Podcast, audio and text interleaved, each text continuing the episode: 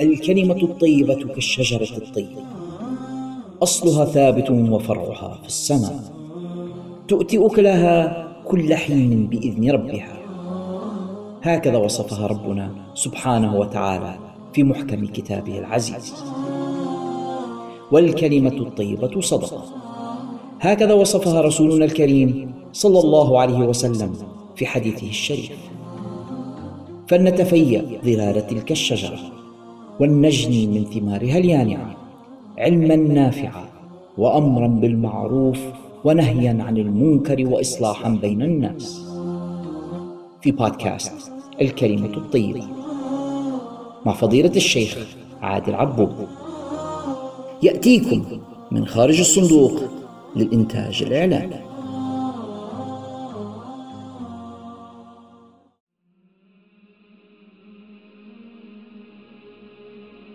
بسم الله الرحمن الرحيم الحمد لله رب العالمين حمدا يوافي نعمه ويكافئ مزيده والصلاة والسلام على أشرف المرسلين سيدنا ونبينا محمد وعلى آله وصحبه أجمعين اللهم افتح علينا حكمتك وانشر علينا رحمتك وأعنا على تقواك وما فيه رضاك يا ذا الجلال والإكرام اللهم ذكرنا ما نسينا وعلمنا ما جهلنا واجعل ما تعلمنا إياه حجة لنا لا علينا ولا تعقنا عن العلم بعائق ولا تمنعنا منه بمانع.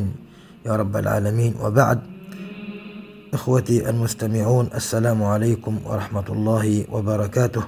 هذه الحلقة الخامسة والعشرون من برنامج الكلمة الطيبة ونستهلها كالعادة بالفقرة الفقهية. ونتكلم اليوم عن مبحث في الأخطاء التي تتعلق بموقف المأموم في الصلاة. فبعض الناس آه، عندما يصلي شخص واحد مع الإمام فالسنة هي أن يقف الإمام ويقف المأموم عن يمينه متأخرا عنه قليلا.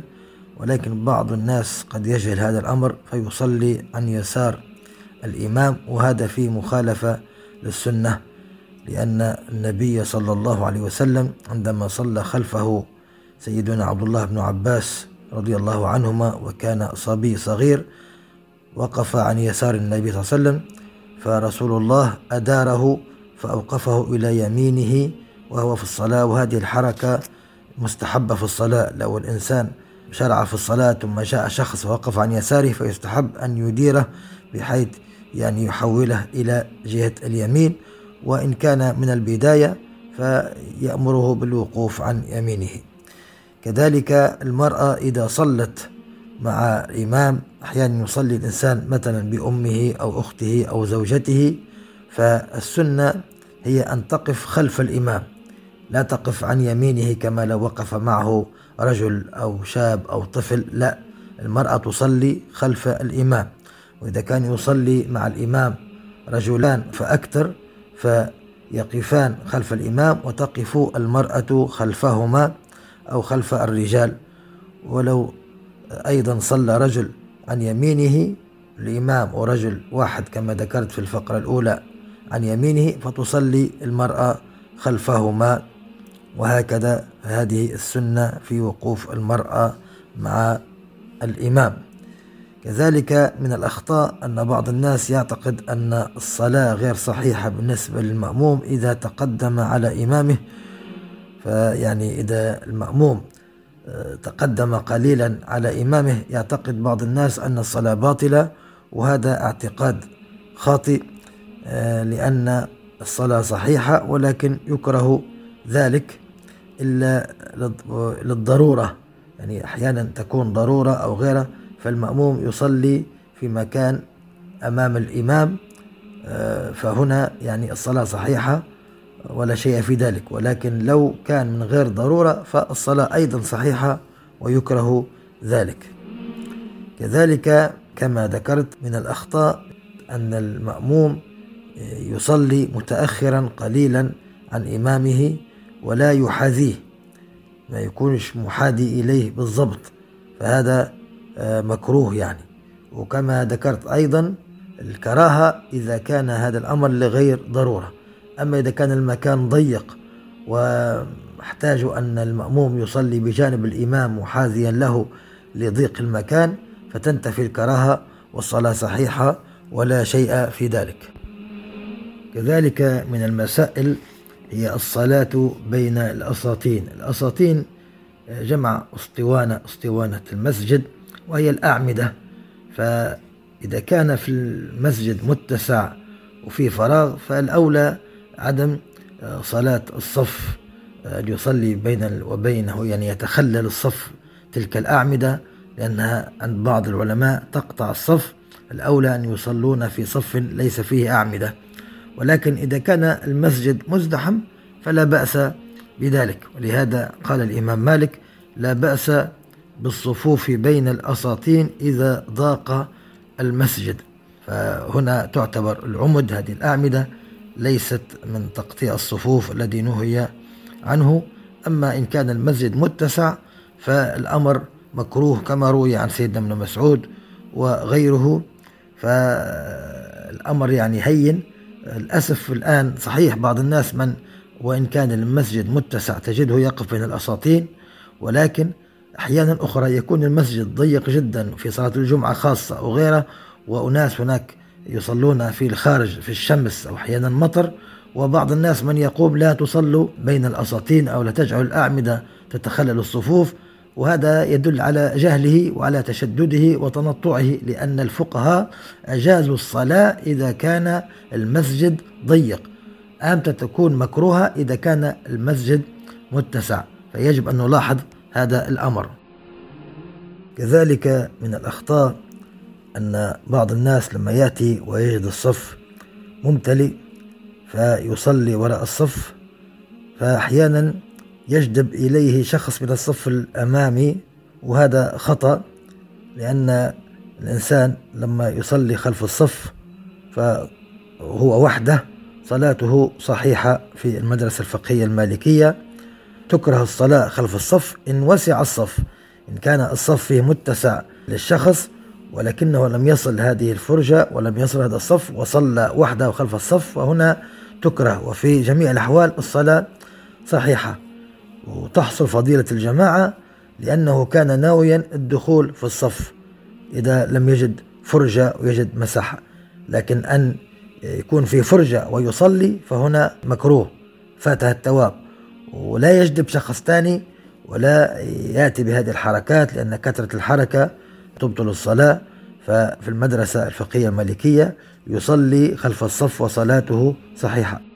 كذلك صلاة الرجل بين صفوف النساء. طبعا والظاهر أن يكون نساء محارم فصلاته هنا أيضا تكره. إذا كانت عن يمينه وعن يساره يعني في امرأة وأخرى عن يساره وهكذا إذا صلت امرأة بين الرجال. فصلاته صحيحة ولكن تكره. إذا كنا محارم أخت مثلا أمة وهكذا. كذلك من الأخطاء المتعلقة بالقراءة في الصلاة أن بعض الناس لا يتعلم أو يهمل تعلم ما تصح به الصلاة. يعني قراءة الفاتحة كما في بعض الدروس الماضية ركن من أركان الصلاة فيجب على المسلم أن يتعلمها وأن يتقنها آه، بحركاتها وسكناتها وشداتها ومداتها. حتى قالوا أنه إن لم يتسع الوقت لتعلمها أو كان لا يقبل التعلم لكبر سن أو غيره فهنا عليه أن يأتم يصلي مأموم بمن يحسنها. يجعل يبحث عن شخص يحسنها ويصلي وراه مأموم. وينبغي عليه ألا يتوانى في هذا الأمر لأنها من فروض الصلاة. حتى قالوا أنه إن صلى وحده وهو لا يحسنها ويعني يخطي فيها خطأ فاحش حتى يغير المعنى ومع هذا لم يبحث عمن يأتم به وصلى فصلاته باطلة لأن هي من أركان الصلاة. كذلك من الأخطاء أيضا المتعلقة بالقراءة اللحن في القراءة المغير للمعنى أحيانا اللحن هو التغيير. اللحن ليس بمعنى النغمة وإنما هو معناه التغيير. فأحيانا الإنسان إذا غير فتحة أو كسرة مكان بعضهما فطبعا هنا حرام تغيير اللحن في القراءة خاصة إذا كان يعني متعمدا ولكن لا تبطل الصلاة به إلا إذا غير المعنى. اللحن إذا غير المعنى خاصة في الفاتحة فإنه يبطل الصلاة. مثلا بدل أن يقول إياك نعبد قال إياك نعبد. بدل الفتحة خلاها كسرة كأنه يخاطب في الأنثى والعياذ بالله. طبعا هو رب العزة ونزه عن صفات المخلوقات لا ذكورة ولا أنوثة ولكن هكذا جاءت الآية إياك نعبد. كذلك بدل أن يقول صراط الذين أنعمت عليهم يقول صراط الذين أنعمت أنعمت مخاطبة للمولى. أنعمت معناه هو نفس المصلي أنعم. فهذا تغير المعنى. أصبحت تاء الفاعل بدل تاء المخاطب فهذا يبطل الصلاة. أما إن كان اللحن لا يغير المعنى فلا تبطل الصلاة به. مثلا بدل من يقول الحمد لله يقول الحمد لله. بدل ما يرفع الدال يكسرها فهذا لم يتغير به المعنى هو لحن فلا يبطل الصلاة. وهكذا.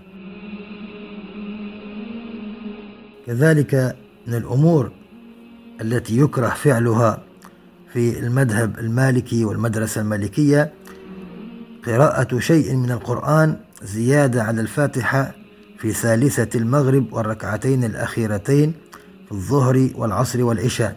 يعني السنة أن يقرأ في الركعة الأولى والثانية الفاتحة وسورة أما الركعة الثالثة في المغرب والركعة الثالثة والرابعة الصلاة الرباعية الظهر والعصر والعشاء فيقتصر على الفاتحة. يعني لا يزيد السورة فهو مكروه. لكن لو الإنسان قرأ السورتين في الركعات الأخيرة لا سجود عليه لأن فيه خلاف بين الفقهاء فيها. فلا سجود عليه والصلاة صحيحة. ولكن المدرسة المالكية يكره الزيادة واستدلوا بالحديث المروي عن رسول الله صلى الله عليه وسلم كان يقرأ في الظهر في الركعتين الأوليين بأم القرآن وسورتين وفي الركعتين الأخيرتين بأم القرآن ويسمعنا الآية ويطول في الركعة الأولى ما لا يطول في الثانية. فهنا يعني قوله يسمعنا بأم القرآن اقتصر على ذكر هذا يبين أنه لم يقرأ في الركعتين الأخيرتين آه، الصورة مع الفاتحة. وهكذا كما روي عن سيدنا سعد لما قال في الحديث المشهور وأحذف في الأخريين بمعنى لأن الركعتين الأخيرتين مبنيتان على الاختصار ولذلك أسرت القراءة فيهما ولم يجهر فيهما في صلاة الجهار وللحديث بقية لذكر أخطاء القراءة والله ورسوله أعلم. في دروس الوعظ والإرشاد توقفنا في الدرس قبل الماضي في لازلنا نتكلم عن بر الوالدين وعقوقهما والعياذ بالله وتكلمنا عن الأمور التي تعد من العقوق. توقفنا في أن الإشاحة بالوجه عن الوالدين إذا تحدث وعدم الإصغاء إليهما أو الإنسان يبادر إلى مقاطعتهما وتكذيبهما ويشتد في الخصومة. كل هذا من شأنه يعني فيه تحقير للوالدين وفيه كالإهانة وفيه العقوق وفيه الأدية. كذلك من الأمور التي تعد من العقوق قلة الاعتداد برأيهما. يعني بعض الناس لا يستشير والديه ولا يستأذنهما في أي أمر سواء في زواجه أو في طلاقه أو خروجه من المنزل أو السكنة خارجه أو ذهابه مع زملائه لمكان معين. ما يعتبرش رأيهم. طبعا هو الإنسان هنا إذا كان يريد إرضاء والديه ويريد كذا عليه أن يعني دائما آه، يستشيرهما ويريهما الاهتمام والتعظيم. وكان يعرف أن مجرد يعني تحكم في الرأي وأحيانا أمر في مصلحة راجحة واضحة جدا ومجرد هي عناد فهنا حتى لم يستشرهما وخاف أن يعني يكون سبب في غضبهما. تكون عنده حكمة وتعامل كما ذكرت في آه، معظم يعني كلامي في الدروس هذه عن التعامل مع الوالدين يجب أن يكون بحكمة ويجب رب العزة قال لا تقل لهما أف وقال وصاحبهما في الدنيا معروفا مهما صنع. والنبي صلى الله عليه وسلم قال له وإن ظلما. فالإنسان لابد يتصرف بحكمة ويتصرف بأدب. لعلنا نستطيع في دروس قادمة أن نأتي بأمثلة كيف كان السلف الصالح يتعامل مع والديه. تستغرب يعني من شدة البر رضي الله عنهم. الإنسان لابد يشاركهم في أموره ويحاول بطريقة معينة بحيث أن يتحصل على رضاهم. منها أيضا من العقوق ترك الاستئذان حال الدخول عليهما. هذا ينافي الأدب. ولهذا ذات مرة رجل سأل رسول الله صلى الله عليه وسلم قال أستأذن على أمي؟ قال نعم. قال يا رسول الله هي أمي. وأخذ يلح فقال رسول الله أتحب أن تراها عريانا؟ قال لا. قال إذا فاستأذن عليها. صح الإنسان بوه وأمه هما ولداه وغيره ولكن الاستئذان رب العزة فرضه وأمرنا به جميعا. حتى الإنسان مع زوجته. الإنسان قالوا يستأذن أحيانا تدخل عليها في وقت هي لا تريد أن يدخل عليها أحد. أحيانا تفعل أشياء خاصة هي. فدائما الاستئذان من يعني من تمام الأدب والبر. كذلك من العقوق إثارة المشكلات أمام الوالدين. بعض الناس يعني لا يحلو له ولا يطيب له أن يعاتب آه، أخوه أو أخته أو حتى زوجته أو كذا إلا أمام والديه ويرتفع الصوت والصراخ والصياح. هذا مما يكدر يعني عليهما. هم خلاص يعني أدوا رسالتهما والآن بيرتاحوا. فأنت تريد أن تعاتب أحدا بينك وبينه لماذا أمام والديك؟ لماذا تزعجهما بمشكلاتك وهكذا؟ إلا إذا احتجت يعني ضروري وإلا الأولى دائما أن توفر لهما يعني الجو الهادي. تحمل في نفسك وهذا من تمام البر وعندك الأجر عظيم عند الله. لما أنت تتحمل في نفسك أي مشكلة وكذا ولا تريد أن ترفع صوتك تعظيما لوالديك أنت رب العزة يعلم بنيتك وأنت معاملتك مع الله سبحانه وتعالى. ولن يضيع البر عنده أبدا. كذلك من العقوق العظيم جدا والعياذ بالله بعض الناس من يذم والديه عند الناس أو يقدح فيهما أو يذكر آه، عيوب والديه أو أحيانا هو يحصل له مشكلة مثلا أو إخفاق في دراسة أو غيرها فيلقي باللئم على والديه وهكذا أمام الجميع ويبدأ يلتمس في الأعذار لنفسه. ويرمي باللائمة على والديه هم الذين أهملاني وهم الذين كذا وهذا من العقوق الشديد يعني الإنسان ينسى فضل والديه. حتى لو كان الكلام هذا صحيح أنت احتسب الأجر وهذه مصيبة نزلت بك واحسب الأجر عند الله ولكن من العيب ومن العقوق أن تسبوهما أو تذموهما عند الغير. وهذا العقوق الذي ذكرناه وهذه الأشياء التي ذكرناها وغيرها كل ما فيه أذية للوالدين له أسباب من غير شك. فمنها من أسباب العقوق الجهل. الجهل داء قاتل. فالجهل المرء إذا جهل عواقب العقوق العاجلة والآجلة وجهل ثمرات البر العاجلة والآجلة أيضا قاده ذلك إلى العقوق. لما الإنسان يعرف عاقبة العقوق الوخيمة والعياذ بالله يعني غضب المولى أو غيره ويعرف عاقبة البر فهنا لا يسعى لكن لما يكون عنده علم ويستعين بالله الإنسان دائما يدعو الله أن يعينه على بر والديه وعلى تحملهما وعن أن يلتزم بما شرع المولى سبحانه وتعالى فهذا يعينه على البر. كذلك من أسباب العقوق سوء التربية. أيضا الوالدان أحيانا يكونان هما السبب في عقوق أبنائهما لما لا يربون أبنائهم على التقوى على البر على الصلة. أحيانا تلقى الأب أو الأم هم الذين يطلبون من أبنائهم مثلا قطع الصلة بالعم أو العمة أو الخال أو الخالة أو الأم تغضب على مثلا أحد أبنائها تطلب من أبنائها الآخرين أن يقاطعوا أخاهم. تعلمهم القطيعة. وهكذا تربية عدم الصحيحة تربية غير الإسلامية فبيرجع هذا الذي أمر ببر الوالدين. هو الله هو الذي أمر بصلة الرحم. لما يكون الأب والأم يعني عادلان في تصرفاتهما حكيمان يكون سبب في بر الأبناء. كذلك من أسباب العقوق الصحبة السيئة للأولاد. لما يصحبون أناس عاقين أيضا يجرهم إلى العقوق يعني. حتى لو بذل الوالدان جهد في التربية يضعف ذلك الأثر بسبب الصحبة السيئة. دائما اختر لابنك وابنتك اختر له أصحابه وصاحباته وابحث ودقق ولابد من التعب لأن هذه مسؤولية التربية. كلكم راع وكلكم مسؤول عن رعيته. ذلك من الأسباب الكبيرة أن الأب والأم أيضا كانوا عاقين لآبائهم وأمهاتهم. فعقوبة العقوق عقوبة عاجلة وآجلة. فهكذا يرجع أيضا الأمر على الأبناء.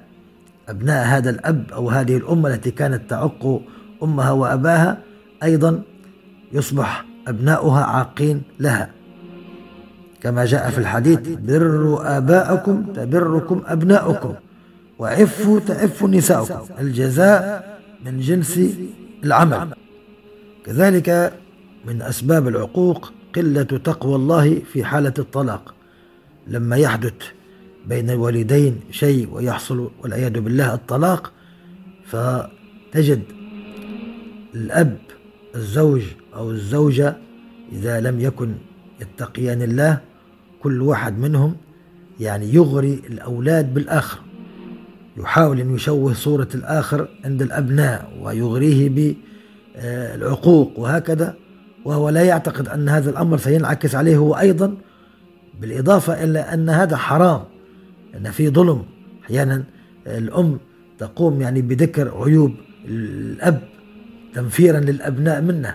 هذا حرام وغيبة وليس فيه شيء. هذا أبوهم وأيضا الأب إذا قال كلام عن زوجته وهي أم أولاده. هذه أم أولادك. خلاص حصل الفراق. خلاص. رب العزة قال فإمساكم بمعروف أو تسريح بإحسان. دائما المعروف والإحسان موجودين في جميع الأحوال حتى في حالة الطلاق. ولا تنسوا الفضل بينكم هكذا يقول المولى. ثم أيضا الإنسان يعني لا يظلم غيره ولا يغتابه. وهذا أيضا العقوق سينعكس على الشخص القائل. الأم إذا كان أمرت أبنائها بعقوق والدهم سيعقونها هي أيضا والعكس صحيح. كذلك من الأشياء المهمة جدا وتسبب في العقوق هي التفرقة بين الأولاد. لما الأب أو الأم يقدم دائما ويفضل أحد الأبناء على الآخرين ودائما يعني يميزه بأشياء وهدايا وكذا حتى أن يسبب الحقد والشحناء بين الأبناء وأيضا ينعكس الحقد هذا على الأبوين فيكون العقوق والبغض. كذلك من سبب العقوق أن بعض الناس يؤثر الراحة والدعة إذا كان عنده أب أو أم أو والدان كبيران أو مريضان فيرغب في التخلص منهما. أحيانا إما يترك المسكن يسكن مسكن آخر أو غير ذلك. وأحيانا دائما يلقي باللائمة على إخوته ويتهرب ويختلق الأعذار وهكذا. يعتقد أنه ربح شيء بل هو قد خسر لأنه خسر آخرته في بره بوالديه. رب العزة لما أتى بلفظ عندك أحدهما أو كلاهما الكبر عندك. قال العلماء هذه اللفظة تحتها من المعاني يعني لما كبر الوالدان يجب أن يكون عند أبنائهما يعتنيان بهما ويمرضانهما ويخدمانهما. عندك قال. أما الناس اللي يخترق الأعذار وغيرها باش تك أو باش شخص ثاني يقوم بهذه المهمة هو يعتقد أنه خدم نفسه هو بل أهلك نفسه. كذلك من الأشياء المهمة قلة إعانة الوالدين.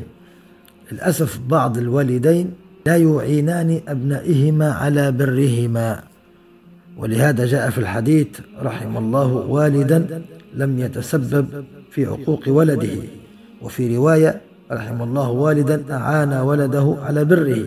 تجد بعض الوالدين كما سمعنا في بعض الدروس صعب الإرضاء. مهما فعلت لا يرضى. ولو ارتكبت ولو خطأ بسيط يمسح كل شيء. وهذا طبعا كفران النعمة هذا.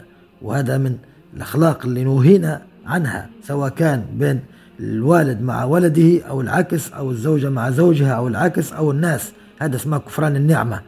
الإنسان حتى لو أخطأ الشخص حاسبه على ذلك الخطأ ولكن لا تنسى له الفضل الأول كله. هذا من الظلم. إذا كان رب العزة سبحانه وتعالى بالعكس الأخطاء هي التي يسامح عنها والحسنات يضاعفها ولا ينهيها وهو ربنا خالقنا ورازقنا فكيف نكون نحن؟ فهذا من الظلم. هذا الشيء يسبب في العقوق. لما الإبن مهما فعل لكي يرضي أباه أو أمه ثم عليه سبب بسيط يجد أنه يعني السب والشتم وأحيانا الطرد وغيره وكل هذاك ينساه الأب أو الأم فيقول لك هو الأمر. إذا كان مسكين ما عندهاش هذيك التقوى القوية اللي تخليه يتحمل في سبيل أن يعني معاملته مع الله وإلا لماذا سيصبر على هذا الدل وهذه المهانة؟ فهذا من السبب في هذا كله. في هذا الوالدان الأب والأم وما يحسبوش أنهم الأمر انتهى. كل واحد سيحاسب يوم القيامة كما أن الأبناء سيحاسبون على العقوق أيضا الآباء والأمهات سيحاسبون على الظلم. ما ننسوش هذا يا إخواننا يجب أن لا ننسوا هذا. صحيح رب العزة أعطى الفضل العظيم والمكانة والاحترام للأبوين ولكن في حدود معينة في حدود الشرع بحيث بشرط ألا يظلم وهكذا. بال الإنسان يعني فهذا من سبب أسباب العقوق. كذلك على الإنسان أن يوطن نفسه على البر وأن يتكلف لذلك وأن يتحمل ويجاهد نفسه. أحيانا كما ذكرت الأب أو الأم صعبة الإرضاء صعبة الميراث. فلا ننسى الحديث أجرك على قدر نصبك كما قال رسول الله للسيدة عائشة. على قدر المشقة يكون الأجر. من ربي أكرمه بأبوين طيبين سهلين سهل الإرضاء يعني فهذا نعمة ولكن الذي عند أبوان صعبان وتحمل في هذا ويفعل كل ما بوسعه لكي يرضيهما ويتحمل يعني آه، صياحهما وغيره وغيره هذا أجره أعظم من غير شك لأنه يجاهد في نفسه. كذلك من الأشياء التي تسبب في العقوق وللأسف سوء خلق الزوجة. أحيانا بعض الناس من يستمع لكلام زوجته ويهين أمه أو يهين أباه ويتمرد على والديه.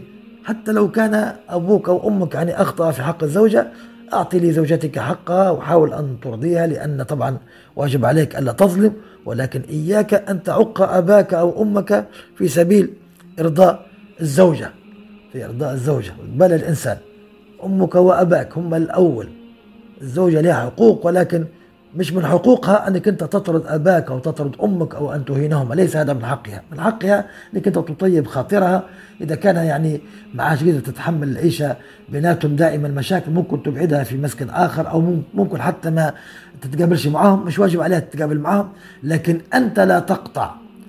كثير من الناس من يتخاصم مثلا آه، زوجته مع زوجة أخيه يتخاصمان أو تتخاصمان إحنا نقولوا السلفات.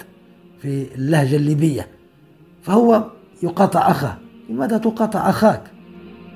باي خلاص زوجتك وزوجة أخاك لم يتفقا وما يتفقا في أقاربهم هم أو غيره يتفقوا لكن لأن أنت في الموضوع فدائما للأسف يعني النساء أقارب زوجها دائما تبعدهم عنها لكن حتى لفرض ما تفرضش عليها أن لابد يعني تواصل زوجة أخوك وغيرها ما تفرضش عليها إذا كان بتسبب مشاكل مش واجب. يعني لكن ما تكونش سبب في أن تقطع أخاك تقطعش أخوك أنت. لأن هذا واجب عليك أن تصله. تقطعش أخوك أو أختك لأجل أن زوجتك متخاصمة مع واحد منهم مثلا. حاول أن تصلح ما استطعت. لقيت أن من الحكمة هو أن يبتعد تبتعد هي عن أختك مثلا خلاص. ولا أنت في بيتك وهي في بيتها ولكن أنت لا تقطع أختك ولا تقطع أخاك وليس لك عذر في ذلك لأن قطيعة الرحم من الكبائر. ولهذا جاء في الحديث أن من علامات الساعة أن يكرم الرجل زوجته ويعق أمه. آه، كذلك من البر كثرة الدعاء والاستغفار للوالدين وبرهما بعد موتهما بصلة الرحم التي لا توصل إلا بهما وصلة أصدقائهما والدعاء لهما كل هذا من تمام البر. من قصص السلف الصالح رضي الله عنهم في بر الوالدين أن سيدنا أبا هريرة رضي الله عنه الصحابي الجليل كان شديد البر بأمه فكان يذهب إليها فإذا دخل قال السلام عليك ورحمة الله وبركاته يا أماه فيترد عليه وعليك السلام ورحمة الله وبركاته. فيقول رحمك الله كما ربيتني صغيرا. فتقول يا بني وأنت فجزاك الله خيرا ورضي عنك كما بررتني كبيرا. كان سيدنا عبد الله بن عمر رضي الله عنهم ذات مرة في الطريق فلقيه رجل من الأعراب فسلم عليه سيدنا عبد الله وحمله على حمار كان يركبه وأعطاه عمامة. فبعض الناس كان معه قال لسيدنا عبد الله بن عمر أصلحك الله إنهم الأعراب وهم يرضون باليسير. يعني الأعراب هذو ناس مساكين يعني بدو وناس يعني فقراء. فأي شيء دراهم تعطيها يرضى بها. لماذا؟ تعطيه الحمار وتعطيه العمامة التي كانت على رأسك وتنزل أنت عن الحمار وهذا الإكرام. فرد عليه سيدنا عبد الله قال إن أبا هذا كان ودا لعمر بن الخطاب. يعني أبوه هذا الأعرابي كان صديق لوالدي اللي هو سيدنا عمر رضي الله عنه. وإني سمعت رسول الله صلى الله عليه وسلم يقول إن أبر البر صلة الولد أهل ود أبيه. أبر البر أن الولد يصل أهل ود أبيه. يعني بعد ما والده يتوفى ويلقى صديقه أو شخص كان يحبه فهو يحترمه ويقدره أو حتى يلقى ابنه تو هذا وجد ابنه. ليس نفس الرجل الذي كان صديق لسيدنا عمر ولكن ابنه. فهكذا من تمام البر معاملة مع الله. وعن أم المؤمنين سيدتنا عائشة رضي الله عنها قالت قال رسول الله صلى الله عليه وسلم دخلت الجنة فسمعت فيها قراءة فقلت من هذا؟ قالوا حارثة ابن النعمان. كذلك البر كذلكم البر كذلكم البر. وكان أبر الناس بأمه. يعني سمع صوته في الجنة وسلم في الإسراء والمعراج دخل الجنة وأيضا كان يرى مرائي كثيرة أنه يدخل الجنة. سمع عدة مرة نعل سيدنا بلال وهكذا في الأحاديث الصحيحة ورؤيا الأنبياء حق. فسمع صوت قراءة فسأل من هذا؟ فأجابوه الملائكة قالوا له حارثة بن النعمان. هذا حارثة من الصحابة كان من أبر الناس بأمه. فهذا البر دخله الجنة حتى سمع قراءته في الجنة صلى الله عليه وسلم وللحديث بقية بإذن الله تعالى. في فقرة الشمائل المحمدية على صاحبها أفضل الصلاة وأزكى التحية نتكلم عن آدابه صلى الله عليه وسلم إذا دخل منزله. قال سيدنا الحسين رضي الله عنه فسألت عليا يقصد أباه سيدنا علي رضي الله عنه عن دخول رسول الله صلى الله عليه وسلم فقال كان صلى الله عليه وسلم إذا أوى إلى منزله جزأ دخوله ثلاثة أجزاء جزءا لله وجزءا لأهله وجزءا لنفسه ثم جزأ جزءه بينه وبين الناس فيرد ذلك بالخاصة على العامة ولا يدخر عنهم شيئا. معنى الكلام أن يجزئ وقته ثلاثة أجزاء جزءا لله أي لعبادة الله من صلوات وتلاوة قرآن ودعوات وتذكر وتفكر وهكذا. وجزءا لأهله أي مؤانستهم وحسن معاشرتهم والقيام بمهماتهم وحاجاتهم. وجزءا لنفسه وذلك يقسمه أيضا بينه وبين الناس يعني جزء صلى الله عليه وسلم يجعله بينه وبين الناس بحيث أن يدخل عليه القرابة والمقربون من أصحابه ويدخل عليه العامة عامة الناس يعني يدخلون عليه ويستفيدون منه صلى الله عليه وسلم وأحيانا يدخلون الخاصة فيتعلمون منه ثم يعلمون الغير وهكذا صلى الله عليه وسلم. وكان لا يدخر عنهم شيئا بمعنى لا يخفي ولا يمنع عن الناس سواء العامة أو الخاصة شيئا مما ينفعهم في دينهم ودنياهم.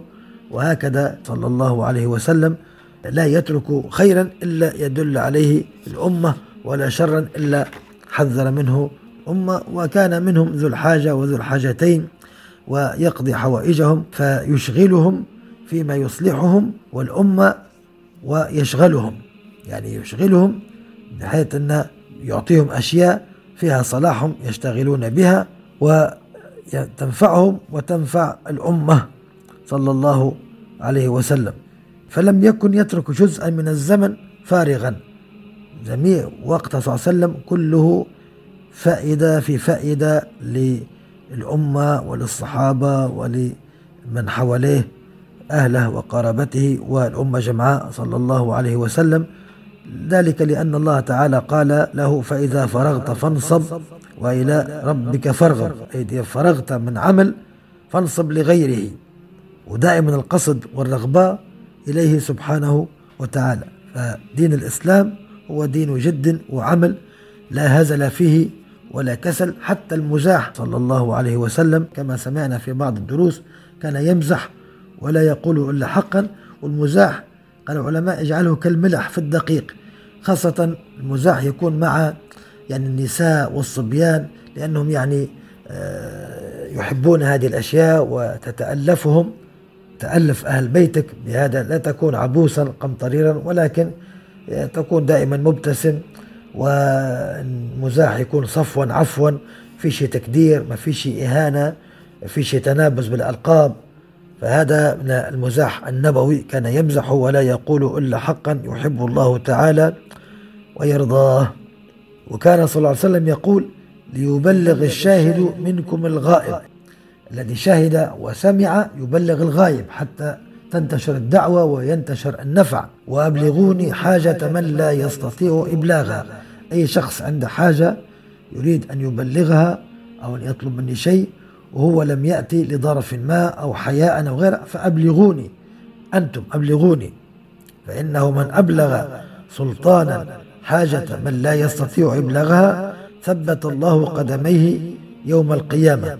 يعني حتى لو الإنسان كانت عنده إمكانية أن يبلغ حاجة لشخص عنده مكانة مثلا شخص عنده ظرف معين عنده حاجة بيقضيها في أحد المصالح أو عنده مريض أو غيره فهو يستطيع أن يوصل تلك الحاجة إلى صاحب السلطة أو الذي عنده هذا الأمر. فهو يفعل هذا لوجه الله. طبعا لا يجوز أخذ الأجر على هذا الأمر. استعمال الجاه لا ينبغي أن يكون إلا لله. من يشفع شفاعة حسنة يكون له نصيب منها. فهنا يبلغ يقول والله فلان هذاك عنده مصلحة وعنده موضوع وكذا ما استطاعش أن يصل إليك. فعند الأجر والثواب في هذا الأمر النبي صلى الله عليه وسلم قال ثبت الله قدميه يوم القيامة. ولكن إن أخذ على هذا الكلام وعلى هذه الشفاعة أخذ عليها نقودا أو غيره فهذا والعياذ بالله يعني من السحت الذي يحرم أخذه. القرض والضمان والجاه. ثلاثة لا ينبغي أن ترى لغير وجه الله القرض والضمان والجاه. القرض تعطي شخص قرض تريد أن تسلفه هكذا مجانا تعطيه لوجه الله ويرد لك نفس المبلغ. أما تقول له راه زيدني على الألف مية فهذا ربا حرام والعياذ بالله. كذلك الضمان شخص يريد أن تضمنه عند شخص ثاني تضمن لوجه الله لأنك تعرفه فتضمنه لوجه الله جائز فيها أجر.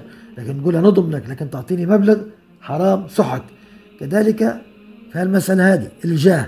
استعملت جاهك أنت عندك معرفة في مكان معين تعرف آه، مدير مكان معين مؤسسة أو غيره وتكلمت عن شخص محتاج ومن حقه ذلك الشيء تكلمت عنه بحيث أنه ييسر له أموره.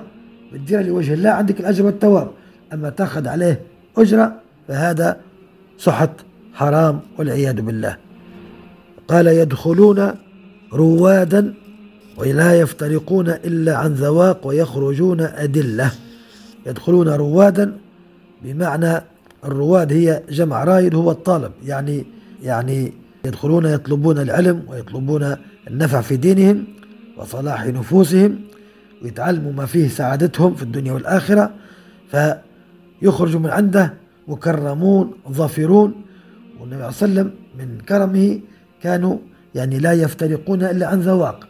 لابد يعني يأتوا بطعام ويأكلون منه بحيث أن يمدون الطعام ضيافة لهم وأيضا يخرجون أدلة بمعنى أنهم علماء يهدون الناس إلى ما فيه الخير والسعادة. هكذا كان مجلسه صلى الله عليه وسلم وهكذا كان حال الداخلين عليه صلى الله عليه وسلم. وللحديث بقية بإذن الله تعالى. وصلى الله على سيدنا محمد وعلى آله وصحبه وسلم تسليما والحمد لله رب العالمين. إذا كانت هذه الحلقة قد نالت رضاكم واستحسانكم فلا تبخلوا علينا رجاء بترك علامة الخمس نجمات في التطبيق الذي تستمعون إليها من خلاله. وإذا كنتم تستمعون إليها من خلال يوتيوب فلا تنسوا النقر على زر الإعجاب وتشاركها مع أصدقائكم ومعارفكم على وسائل التواصل الاجتماعي كي تعم فائدتها وتصل أكبر عدد من المستمعين. لا تنسونا رجاء من صالح دعائكم. بارك الله فيكم. جميع حقوق هذا العمل محفوظة لخارج الصندوق للإنتاج الإعلامي